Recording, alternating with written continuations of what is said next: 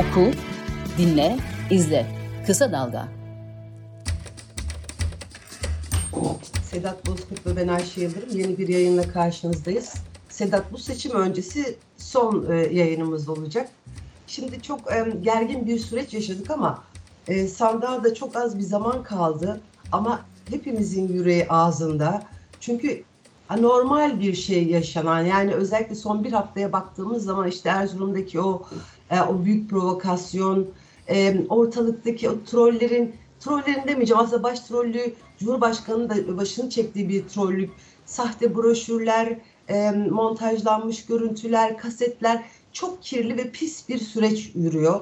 Ki Cumhurbaşkanı Erdoğan da bu sabah attığı o tweet çok tartışılıyor. Yani gerekirse 15 Temmuz gecesi olduğu gibi hayatımız pahasına diyor istiklal ve istikbalimize sahip çıkarız. Dolayısıyla nasıl varılacak o sandığa, varılacak mı o sandıktan hakikaten demokratik bir yarış olacak ve sonuçlar e, olduğu gibi kabul edilecek mi diye e, şu iki gün nasıl geçecek diye hakikaten herkes büyük bir korku içinde. Bu, bu bunun, bununla başlayalım istiyorum. Sonra tabii biraz detaylandıralım. Muharrem İnce meselesine ayrı bir parantez açmak gerektiğini de düşünüyorum. Ya çok, çok haklısın. Ee, şimdi hmm, yani bu sabahki şeyi ben açıklamayı görünce de zaten e, ben çok şaşırmadım aslında. Çünkü e, iktidara var olan bağımlılığı Erdoğan'ın da Erdoğan'ın çevresinin de yani kısmen politik olarak e, Devlet Bahçeli'yi de bunu ekliyorum. Hayat mayat meselesi, varlık yokluk meselesi. E, o nedenle ellerinden gitmesini, çıkmasını istemiyorlar. E, yani kestirebiliyorlar başlarına gelebileceğini bizden daha çok bilgiye sahipler. Çünkü bizzat e, o meselelerin neyse kendilerini sıkıntıya sokan meselelerin özneleri kendileri. E şimdi bu nedenle olabildiğince asılıyorlar. E, yani işte anayasayı ortadan kaldırdılar. Yani normal koşullarda biliyorsun şimdinin müebbeti eskinin idamı anayasayı bir şekilde cebir ve şiddet kullanarak ortadan kaldırmak, yok saymak, bir kısmını e, uygulanamaz hale getirmek. E, biz bunların tamamını yaptık. Yani cebir ve şiddet var mı diye sorarsan hani abartılı bulduğun için burayı da açıklayayım. Evet. Çünkü elimizde devlet aygıtı var. Devlet bir güç. Onu kullandığınız zaman bu otomatikman cebire ve şiddete giriyor. Ve vuku zorlayarak anayasayı ortadan kaldırmak için devlet gücünü kullandığınız zaman bunun adı tam da şiddettir yani cebirdir. Ee, bunların tamamına muhatap olduk. Şimdi bu açıklamaları açıklamaları bunların arkasına eklediğiniz zaman e, şaşıracak bir durum yok. Yani tablo çok net. E, ama ne yaparlarsa yapsınlar istedikleri o korku iklimini yaratamıyorlar. E, yani sandığa yansıma ihtimali olan o iradeyi henüz önüne geçmiş değiller, önleyebilmiş değiller. Hani bütün bu çabalar girmeden öncesini yani o iradenin sandığa girmeden öncesine müdahale. Yani oralarda bir etki yaratabilir miyim? İnsanların sandığa iradesinin değiştirmesini sağlayabilir miyim hamleleri bunlar başarılı olmadı çok net. Yani bu sabah yaptığı bunun en son noktası. Umarım en sondur yani daha neler yapabilirler çok bilmiyorum. Yani sandıktan çıktıktan sonra neler yapabilecekleri için ilk ikinci bir kaygı alanı var. Hani orada da çok elleri rahat değil. Bundan hep bir şekilde görüyoruz. Çünkü sandıkların başına oturuyor insanlar ve çok sıkı bir şekilde sahipli çıkacaklarını da söylüyorlar. O yüzden zaten bu keskinleşmeleri, volümlerini, dozajlarını yükseltmelerinin kökeninde de bu yatıyor. Yani bir, şekilde bu şeye sahip çıkmak istiyorlar. Yani iktidara devam etmek istemiyor. Şimdi dün, dün akşam burada sözünü ama hani altılı masanın toplantı yapması ki gündemi sonradan öğrendik seçim güvenliğine yönelik toplantı yapması da e, bu kaygıları biraz arttırıyor. Gerçi orada bir güven mesajı verildi. Verilmesi de gerekiyordu zaten. E, bir duyum mu var acaba diye de insanın aklına gelmiyor değil açıkçası. Şimdi tabii ki vardır yani çünkü e, Deva Partisi ile e, Gelecek Partisi iktidardan yeni ayrılmış insanlardan oluşuyor ve hala orayla temasları var. Ben bile bazılarının yanına gittiğim zaman şu anda AK Parti'de görevde bulunan insanlarla oturduklarına falan tanıklık yapıyordum. Ya da üst düzey bürokrasideki insanlarla. E, İyi Parti yani devletin uzağında olan bir e, politik kimliği olmayan insanların oluşturduğu bir parti. Yani çok rahat bir şekilde devletle en azından bilgi alışverişi yapabilecek bir parti e, CHP'nin başındaki genel başkanı Cumhurbaşkanlığına oturmak üzere ve ona da bir bilgi akışı söz konusu. Bürokrasi böyle çalışır çünkü. E şimdi bunları alt alta eklediğiniz zaman tabii ki bir bilgi ellerine gelmiştir. O bir akşamki toplantı birkaç gün önceden kararlaştırılmış. Çünkü uzun zamandır bir araya gelmediler. E sadece seçim güvenli değil, seçimlerin hemen arkasından nasıl bir pozisyon alacaklarını da e, konuştular. E çünkü ondan sonrası da birazcık e, yani sadece seni beni kaygılandıran meseleler üzerinden değil. Kazandığınız zaman bir anda devletin direksiyonuna geçeceksiniz. Onun için de hazır olmanız gerekiyor. Çünkü bunları yapan devletin direksiyonunu sağ salim size vermez. Belki e, arabayı e, şarampole yuvarlayacak bir hafta içinde ondan sonra size verecek ki ekonomi artık yuvarlanmış vaziyette şarampole de hani geri, geri kalan kısımları için söylüyorum. Ee, yani kaygı duymamamızı gerektirecek hiçbir şey yok. Ters tarafından söyleyeyim bu cümleyi sana. Ee, ve nedenini de biraz önce anlattım. Ee, bu söylemler çok tehlikeli söylemler. Ama ben şöyle bakıyorum, Erzurum olayına da böyle bakıyorum. Zaten bir e, mahsubay bulundu, hemen FETÖ'cülükle suçlandı, hemen ihraç edildi. Bunları aklıma e, geldi. Bazen e, devlet bir operasyon yapacağı zaman e, elemanının yakalanmasını ister. Umut Kitabevi Şemdin'in örneğin bunlardan bir tanesidir. E, orada bunu görünce ben bir de hani taş atan insanlara baktım çoluk çocuk. Yani çok rahat yönlendirilebilecek tipler. Öyle kalabalık bir hınçla e, bir şey yapmak için oraya toplanmış insan topluluğu değil. Derleme, toparlama çünkü polisler höt höt deyince hemen dağıldı gittiler. E, bu şunu çağrıştırdı bende. E, dedim ki herhalde bundan sonra muhalefetin mitinglerinde herhangi bir olay çıkmaması için ön alındı. Yani bu hani kontrollü orman yangını gibi bir şey oldu. Hani bir bölgeyi yakarsın orman daha fazla bir yere gitmesin diye. Ben de öyle bir e, düşünce hakim oldu bir anda bu tabloyu okuduğum zaman ki ondan sonraki mitinglerde Konya'da dahil olmak üzere söylüyorum ki yani tehlikeli yer oraydı. E, kimseye hiçbir şey olmadan teknik örnekleri çok da büyütmemek lazım, abartmamak lazım. Ama bugünkü siyasi iktidar abartmamıza ilişkin her türlü zemini hazırlıyor ama e, hiçbir olay olmadı. Çünkü e, Erzurum'da Mesut Yılmaz da taşlandı başbakanken. E, ya Bülent Ecevit de taşlandı. Kılıçdaroğlu da taşlandı bir, bir dönem önce. Kılıçdaroğlu yani, linç edildi yani. Linç, tabii pek çok şey yaşandı. Bu iktidar döneminde yapılanlar tehlikeli. Daha öncekiler hani istisna denilebilir, münferit denilebilir ama bu dönem acayip bir dönem. O nedenle söylüyorum. Her acayip şeyi niye biz bu dönem konuşuyoruz? Yani niye bir seçim kaygısını konuşuyoruz ya da sandıktan çıkan sonuçlar sonrasında istikbalimizi, istikrarımızı bilmem neyimizi yapan bir e, Cumhurbaşkanı adayımız var. Bu dönemin acayipliğinin acayip olmasının nedeni tam da bu açıklamalar işte. Ee, hani bir cumhurbaşkanı soğukkanlılığıyla hareket etse bütün iddiaları ortadan kaldırabilecek cümleler kurması gerekir. Ama Tam tersini yapıyor. Çünkü buradan nemalanıyor. Politik kendi kitlesini buradan konsolide ediyor. Burada cesaretlendiriyor. Bu en tehlikeli kısmı bu. Cesaretlendirme kısmının altını çizelim. Çünkü sizin orada kurduğunuz 2-3 cümle durumdan vazife çıkarma niyetiyle hareket eden insanları bir anda harekete, harekete geçirebilir. E, bunları sadece bu coğrafyada değil, dünyanın muhtelif yerlerinde gördük. İşte bugünkü o tweet açıklamasını da böyle okuyunca insan zaten e, hani korkuyor diyeceğim. Çok vahim bir e, cümle çünkü o. Tabii yani 15 Temmuz'da sen 14 Mayıs'ı nasıl kıyaslarsın? 15 Temmuz'da e, omurgası, disiplini, din olan bir yapının merkezinde olduğu bir darbe girişimi söz konusu. Sen böyle anlatıyorsun çünkü. Ona karşı direnmek meşrudur, demokratiktir. E şimdi 15 Mayıs'ta böyle bir şeyle karşılaşma ihtimalin mi var? Bunu mu söylemeye çalışıyorsun? Bunu söylemeye çalışıyorsan bunu açıkça söyle.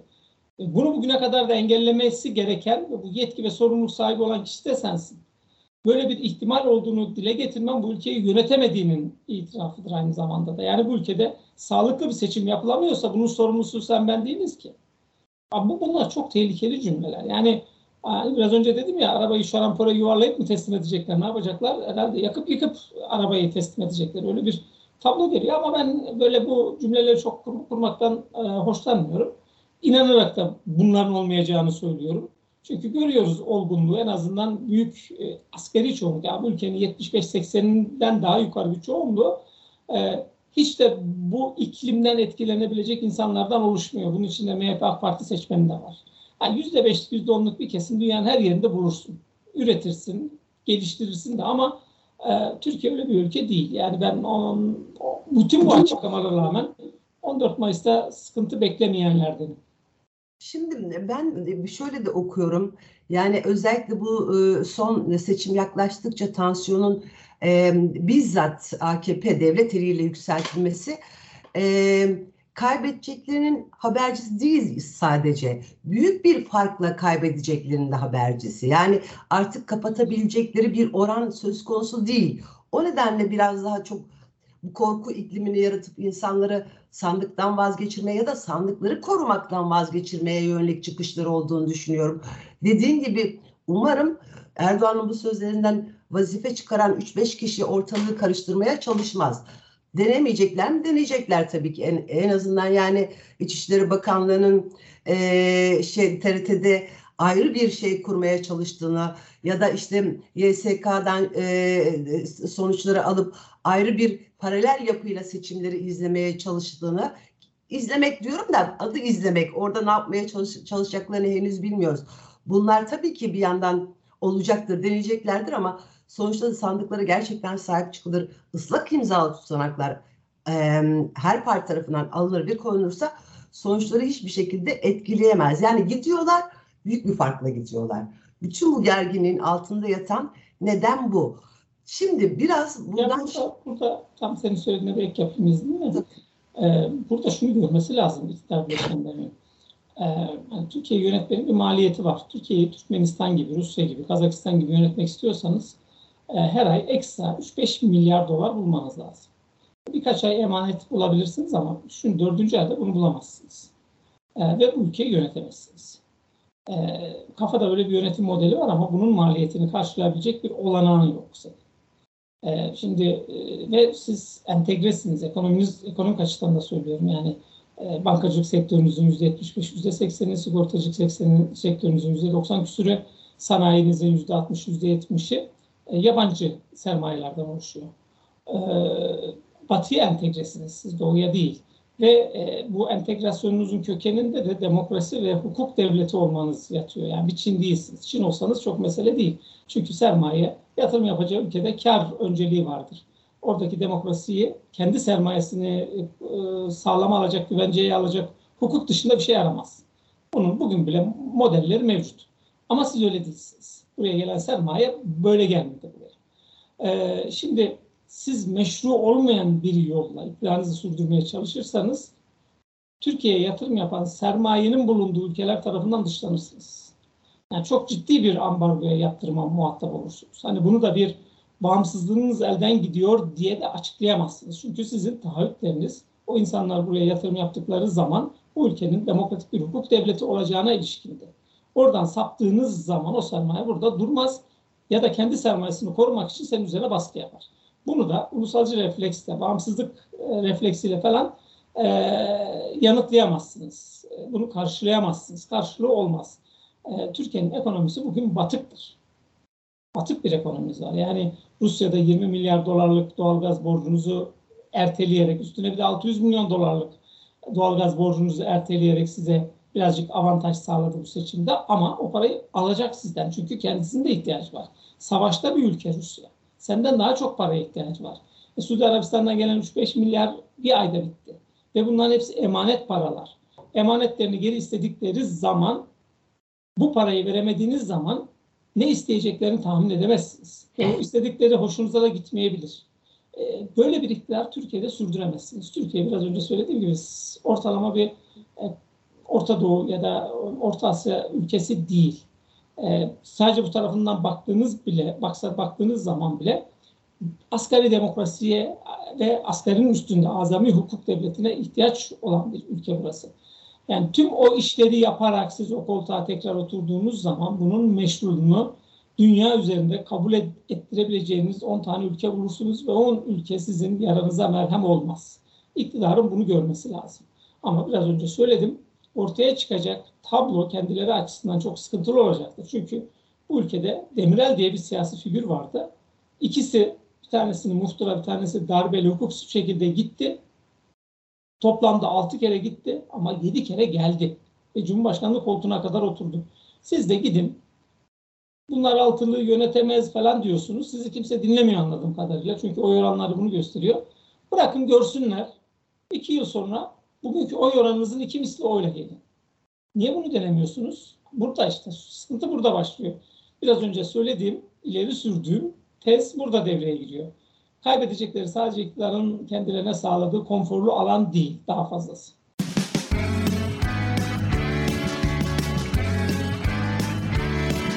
Kulağınız bizde olsun. Kısa Dalga Podcast. Ee, şimdi şeyi konuşalım istiyorum biraz. Muharrem İnce meselesi. Yani Muharrem İnce'nin tabii niye parti kurdu, niye işte adaylığını koydu. Hani biz bunları aslında ne olduğunu biliyoruz da Muharrem İnce'nin e, son e, dakikada adaylıktan çekilme meselesi.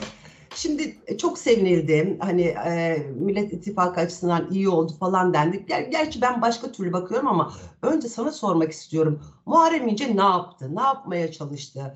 E, istifası hakikaten Millet İttifakı'na istifası demeyeyim çekilmesi, adaylıktan çekilmesi. Gerçi parti olarak seçimlerde hala var ama Cumhurbaşkanlığı adaylığından çekilmesi. Çekilirken bile e, hani e, tabanına bir adres göstermemesi, hatta ve hatta suçlayarak e, özellikle üstü kapalı bile olsa suçlayarak e, baş, e, adaylıktan çekilmesi. Sen nasıl yorumluyorsun? Yani ne yapmaya çalıştı ve niye şimdi çekildi? Ya Muharrem İnce aslında Türkiye'deki bu ne, hmm, ne demek cümlemi e, özenle seçmeye çalışıyorum. Arızalı siyasetin tekil örneği. Bunun bir örneğini Baykal'da yaşadık. Yani bu kadar e, kronik değil. Baykal'ınki de semptomları itibariyle, sonuçları itibariyle benzer ama o da herkese bağırdı, çağırdı. Hep kendisini haklı sanardı. Yani baraj altında partisi kaldığı zaman otobüslerin üstüne sen hep haklı çıktın diye yazdı ve tüm Türkiye'yi onlarla dolaştı. Sen haklı çıksaydın baraj altında kalmazdın. Bu halkı da bu kadar aşağılamayın, küçümsemeyin. E, itirazlarınız varsa bile bunu birazcık daha saygılı bir dille ifade edin. E, şimdi Muharrem İnce'de aynısını görüyoruz. E, yani Türkiye'deki genel siyasetin ve bu siyaseti yönlendiren, siyaset dediğiniz e, bir tane soyut e, kavram. içindeki insana göre bir e, ete kemiğe bürünüyor. Ne olduğunu anlıyorsunuz, kavruyorsunuz. E, Türkiye'de 130 tane kurulu parti var.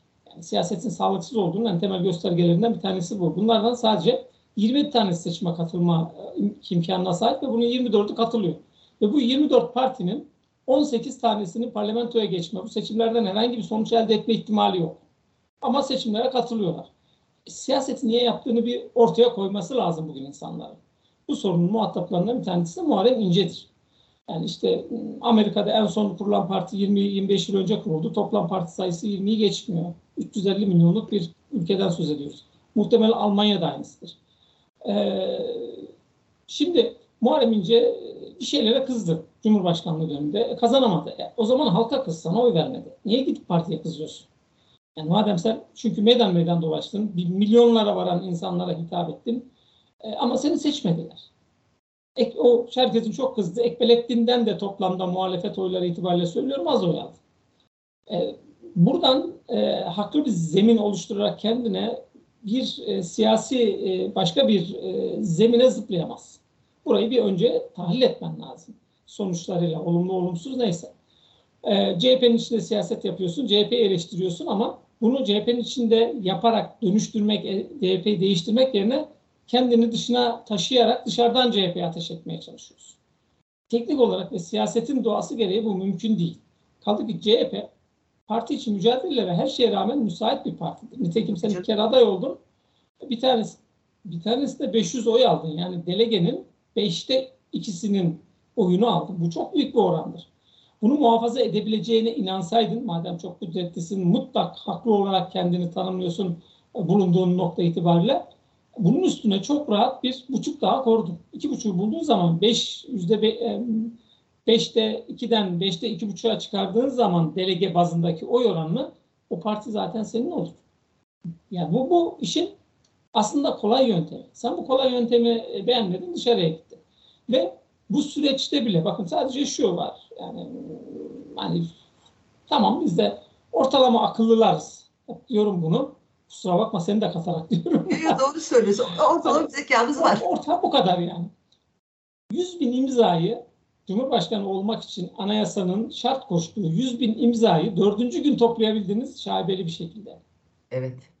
Ya bu, bu bile net bir tablo koyuyor ortaya. Yani bunun üstüne çıkıp da ben ikinci tura kalacak aday ki o 27 milyon en az 26-27 milyon oya tekabül ediyor. 100 bin, oy, 100 bin imza 26-27 bin oy. İşte o yüzden diyorum ortalama zekamız ve matematik bilgimiz var. E şimdi bu tablo karşısında bile siz mesajı anlamadıysanız ya da ne yapmanız gerektiğini bilmiyorsanız bunu size kimse anlatamaz. Bunun anlatma yöntemi yoktur artık. Bu başka bir bilimin uzun süreli bir mekandaki e, sizin bulundurulmanıza bağlı olur. Böyle ifade edeyim. E, başka türlü ifade edilmez. O zaman bir proje mi diye de e, insanın aklına gelmiyor değil. Yani hani Şimdi şöyle yani ben inanmıyorum proje olduğuna çünkü ruh halini aşağı yukarı tahmin ediyorum. E, görüyorum da e, temaslarım da ama var. öyle insanlar çok rahat kullanılırlar sen de biliyorsun ki. Tabii yani hayır siz ortaya çıktığınız zaman sizin sırtınıza vururlar yükleri ya da sizi yönlendirirler ama bütün mesele ortaya çıkma halinizi halinizdir. Ortaya çıktınız mı artık ondan sonra şimdi durmadan kendinizi dışarıda tutup muhalefete muhalefet eden bir muhalif kimlik bürünürseniz sizinle ilgili her türlü iddia haklılık bulabileceği bir zemin oluşturur. Herkes bunu dillendirir. Ee, ve siz bunu bütün enerjinizi bunların doğru olmadığını anlatmak için e, yapmak zorunda kalırsınız. E Şimdi Muharrem İnce'de de tanıklık yaptığımız mesele tam da bu. Bu, bu, bu ortaya da çıktı. E Çünkü niye? E, İkinci tura kalması gibi bir niyetle hareket ediyordu sürekli Erdoğan ve e, Kemal Kılıçdaroğlu'nun oylarından ince aldığı zaman birinci turda ikinci tura kalması koşuluyla söylüyorum. e, Erdoğan'ın istediği şuydu. Kemal birinci turda Kemal Kılıçdaroğlu'ndan daha fazla oy alabilmek. Bunun biraz önce söylediğimiz o kendi söylemiyle, devletle korkutmakla, şunla bununla olmayacağını gördüğü için Muharrem İnce onun için bir can simidi oldu. Kurtarıcı olma ihtimali vardı. Yani, yani o dönem için işe yarar bir e, siyasi figürdü. O nedenle kendi kanallarına çıkardılar. Kendi kanallarında görünür hale getirdiler. E, nitekim de gidişinden de faydalanmaya çalışıyorlar. Evet. evet. Bunun da altını çizmek lazım. Gidişinden de faydalanmaya çalışıyorlar. Ee, o nedenle yani Muharrem İnce e, birazcık da ısrar etseydi bu meselede aşınmış politik kimliğini bir daha tekrar e, onarması mümkün olmayacaktı. Şimdi çok küçük de olsa bir onarma ihtimali ortaya çıktı. E, ama geç kaldı e, ve yeterince hasar tespiti yapma, hasar tespiti yapmak lazım. Yeterince hasar almış vaziyette o politik kimliği. Artık peşine düşecek insan bulmakta e, çok kolay bir kolay olmayacaktır Muharrem İnce için. Şimdi istifası ya da adaletten çekilmesi halinde iktidarın atlamasını, zıplamasını da görmek lazım. Bu da çok önemli. Çünkü çok bu işlere müsait bir iktidar var. Erdoğan siyaseti buna çok müsait. E, tekrarlayayım o cümlemi. Yağmur nereden yağıyorsa tarlayı oraya götürüyor. Şimdi yağmur Muharrem İnce tarafından yağ- yağıyor. Hemencecik tarlayı oraya götürdük. Üste zıplamaya başladık. Kasetler, masetler falan filan diye. Bir de Kılıçdaroğlu'nu suçluyor dedi ya yararlanmak istiyorlar tabii ki. Yani hani Muharrem İnce hakkındaki o, o dolaşıma sokulan gerçek mi değil mi ki bir kısmı beni hiç ilgilendirmiyor özel hayat kısmı hiçbirimizi ilgilendirmemesi gerekir ama yani sanki bunları Kılıçdaroğlu yapmış gibi Erdoğan direkt diyor ki yarın ya da cumartesi ortaya çıkacak. Yani hani proje derken bunu dedim bu tür insanlar kullanılmaya çok müsaittir. Dolayısıyla öyle bir manzara var ki dolaşıma sokulan şeyler bizzat sanki e, Kılıçdaroğlu'nun Rusya'yı işaret etmesi o hani derin e, internet mafya interneti diyelim Rusya'yı işaret ederek e, elinizi çekin demesi sanki bir e, bir proje hazırlanmış. Buradan da muhalefeti yaralamaya yönelik ve bunu da e, Muharrem İnce üzerinden sahneye konulmuş gibi bir manzara çıkıyor. Dolayısıyla artık istifa e, pardon çekilmesi bile e, ben şuna inanıyorum. Yani Millet İttifakı'na çok büyük bir getirisi olmayacak. Zaten çok büyük bir oy almayacaktı ama bu durum bile e, AKP'nin işine yarayacak bir e, e, raya oturtuldu.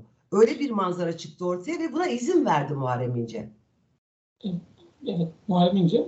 Yani Muharrem İnce bunun için iyi bir malzeme oluşturdu diyelim. E, bunu iktidar kullandı, kullanacaktır da çünkü işte e, miting alanlarında e, Kemal Kılıçdaroğlu'nun e, kurgu sonradan yapılmış, doğru olmayan videosunu gösteriyor Cumhurbaşkanı. Yani bu Muharrem İnce üzerinden bunları yapması onun yanında biraz hafif kalıyor. Yani üç gün belki yarın e, şu şöyle şeyleri de karşılaşabiliriz. E, PKK'nın kurucusu işte Abdullah Öcalan değil Kemal Kılıçdaroğlu ya da Fethullah Gülen cemaatinin liderinin Fethullah Gülen olduğuna bakmayın arkasında Kemal Kılıçdaroğlu var falan diyebilir.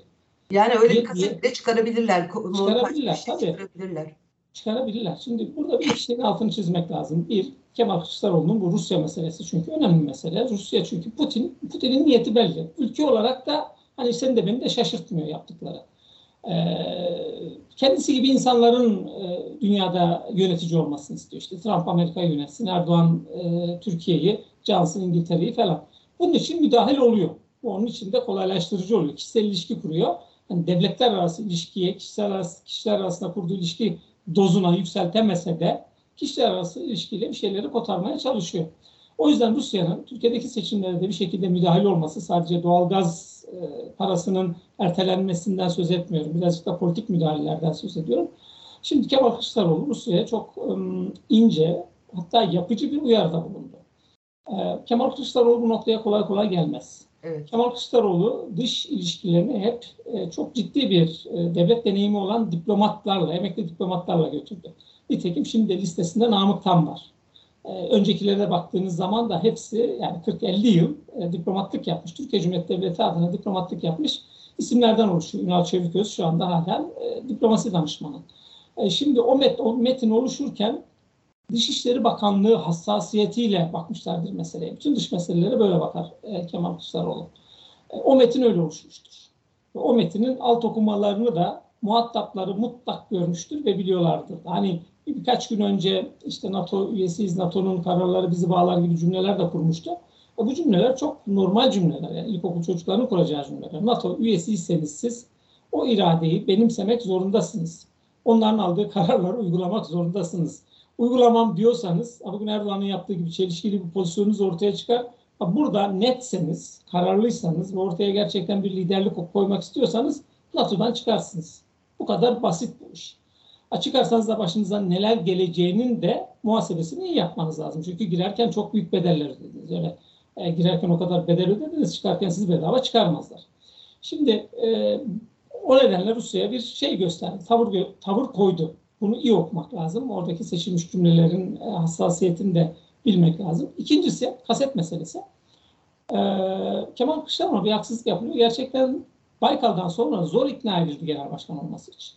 Yani hoplaya zıplaya takla atarak gelmedi genel başkanlık makamına.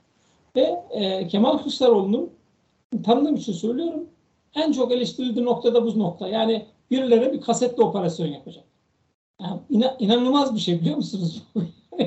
yani bunu CHP'nin Kemal Kılıçdaroğlu'yla yakın çalışan insanlarına anlatsanız ve doğru bilgi olarak anlatsanız hepsi duhula uğrar. Yani hepsi şoka girer. Hepsi bir klinik tedaviye ihtiyaç duyarlar. Mümkün değil Kemal Kılıçdaroğlu bunları yaptırmanız.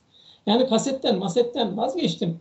Herhangi bir böyle bir donambaçlı, böyle bir hani çok da fazla etik olmayan, hani siyasetin de hazmedebileceği sınırları da zorlayan bir iş yaptırma ihtimaliniz yoktur Kemal Kılıçdaroğlu. O yüzden burada suçlayacağınız en son kişi Kemal Kılıçdaroğlu'dur. Kaldı ki siyaseti kasetin öznesi olarak biz konuşmaya Menderes döneminde başlamadık. İsmet İnönü döneminde başlamadık. Demirel döneminde başlamadık. Özal döneminde başlamadık. Çiller döneminde başlamadık. Kimin döneminde başladık?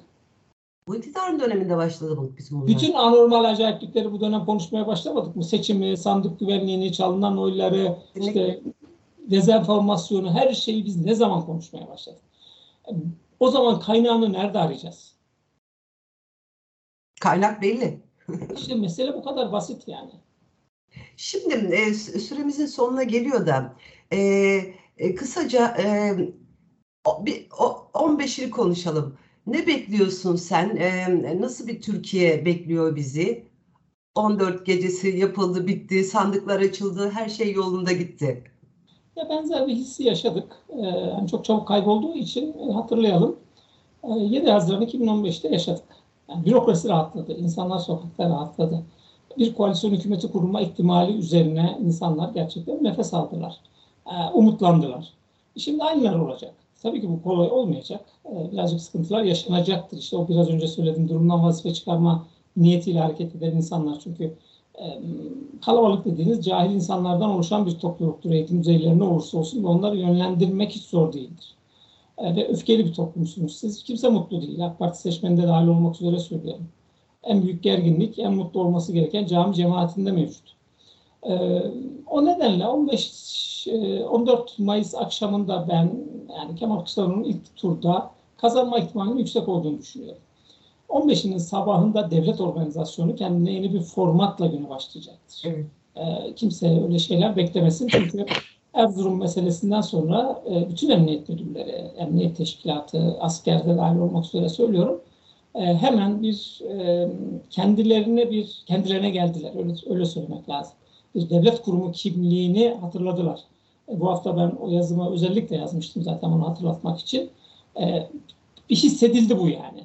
Evet. Ee, hani ufak tefek şeyler olacaktır, olmaması mümkün değil. Daha dün işte Antalya Büyükşehir Belediye Başkanı seçim çalışması yaparken 3-5 tane genci saldırısına uğradı. Ee, bunları müferit diyerek arkada bırakmak lazım.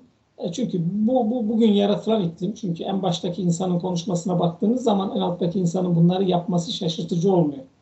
Ee, bunlara 15'inin sabahında bütün bunları biz terk etmiş olacağımıza inanıyorum düşünüyorum da biraz önce söyledim bu ülke yani öyle sıradan bir Orta Doğu bir o Türk Cumhuriyeti ülkesi değil. Yani 170-180 yıllık e, demokrasi deneyimi olan AB ile Avrupa ile yani medeniyet ölçüsü olarak aldığı kendine hedef olarak koyduğu coğrafyayla da çok entegre olmuş. Oranın değerlerini de benimsemiş. Yani bugün Avrupa'nın herhangi ülkesine gittiğiniz zaman e, hani başka ülkeden gelen insanlar e, oralı olduklarını hemen olmadıklarını hemen hissettiriyorlar ama bu ülkeden giden insanları oralı gibi hemen kabul ediyorlar. Öyle görüyorlar. E, bu bunların tamamı bir kazanım tabii ki. Bunlar kolay kolay elden çıkarılacak, heba edilecek şeyler değildir. E, hani iktidara bu kadar bağlı insanlar ne yapabilirler? Benim anlattığım tabloyu gördükleri anda e, senin yanına gelebilirler. Öyle söylüyorum. ben oraya geleceğim daha. Tabii bu arada ben oyumu verdim. Çoktan verdim. Oylarımız zaten Türkiye'ye yola da çıktı. E, şunu da söyleyeyim hakikaten Avrupa'da bu sene inanılmaz bir e, katılım, yoğun ilgi vardı. E, ve e, e, şunu da belirtmek lazım. Hani eskiden daha çok AKP'liler sandığa giderdi. Bu seçimde CHP'lilerin de büyük bir e, sandığa yönelişi olduğunu belirtmek lazım ama şunu da çok duydum. E, özellikle camilerde örgütlendiği için AKP'liler hani hangi camiden kaç seçmen geleceğini çok iyi bildikleri için sandık başlarında işte 80 kişi gelecekti, niye 50 kişi geldi, niye 30 kişi geldi hesap sorulduğunda çok duydum. Yani burada da çok büyük bir ilgi vardı şeye seçim sonuçlarına. Ben de her şeye rağmen demokrasinin kazanmasını istiyorum, diliyorum tabii ki ve öyle olacağını yürekten inanıyorum. Bir de şunu söyleyeceğim. Yani şimdi siyasi tarihimize baktığımız zaman hani kara oğlan, kurtar bizi kara oğlan, baba bizi kurtar, şimdi dede, piro bizi kurtara geldik artık bir kurtarıcı aramayacağımız bir siyaset zeminin oluşması gerektiğini düşünüyorum. Umarım bu seçimler bunun başlangıcı olur diyelim. Bitirelim. Evet. Haftaya yepyeni bir Türkiye'de uyanıp bakalım neler konuşacağız. Yeni şeyler konuşalım lütfen. evet lütfen. Hoşçakalın.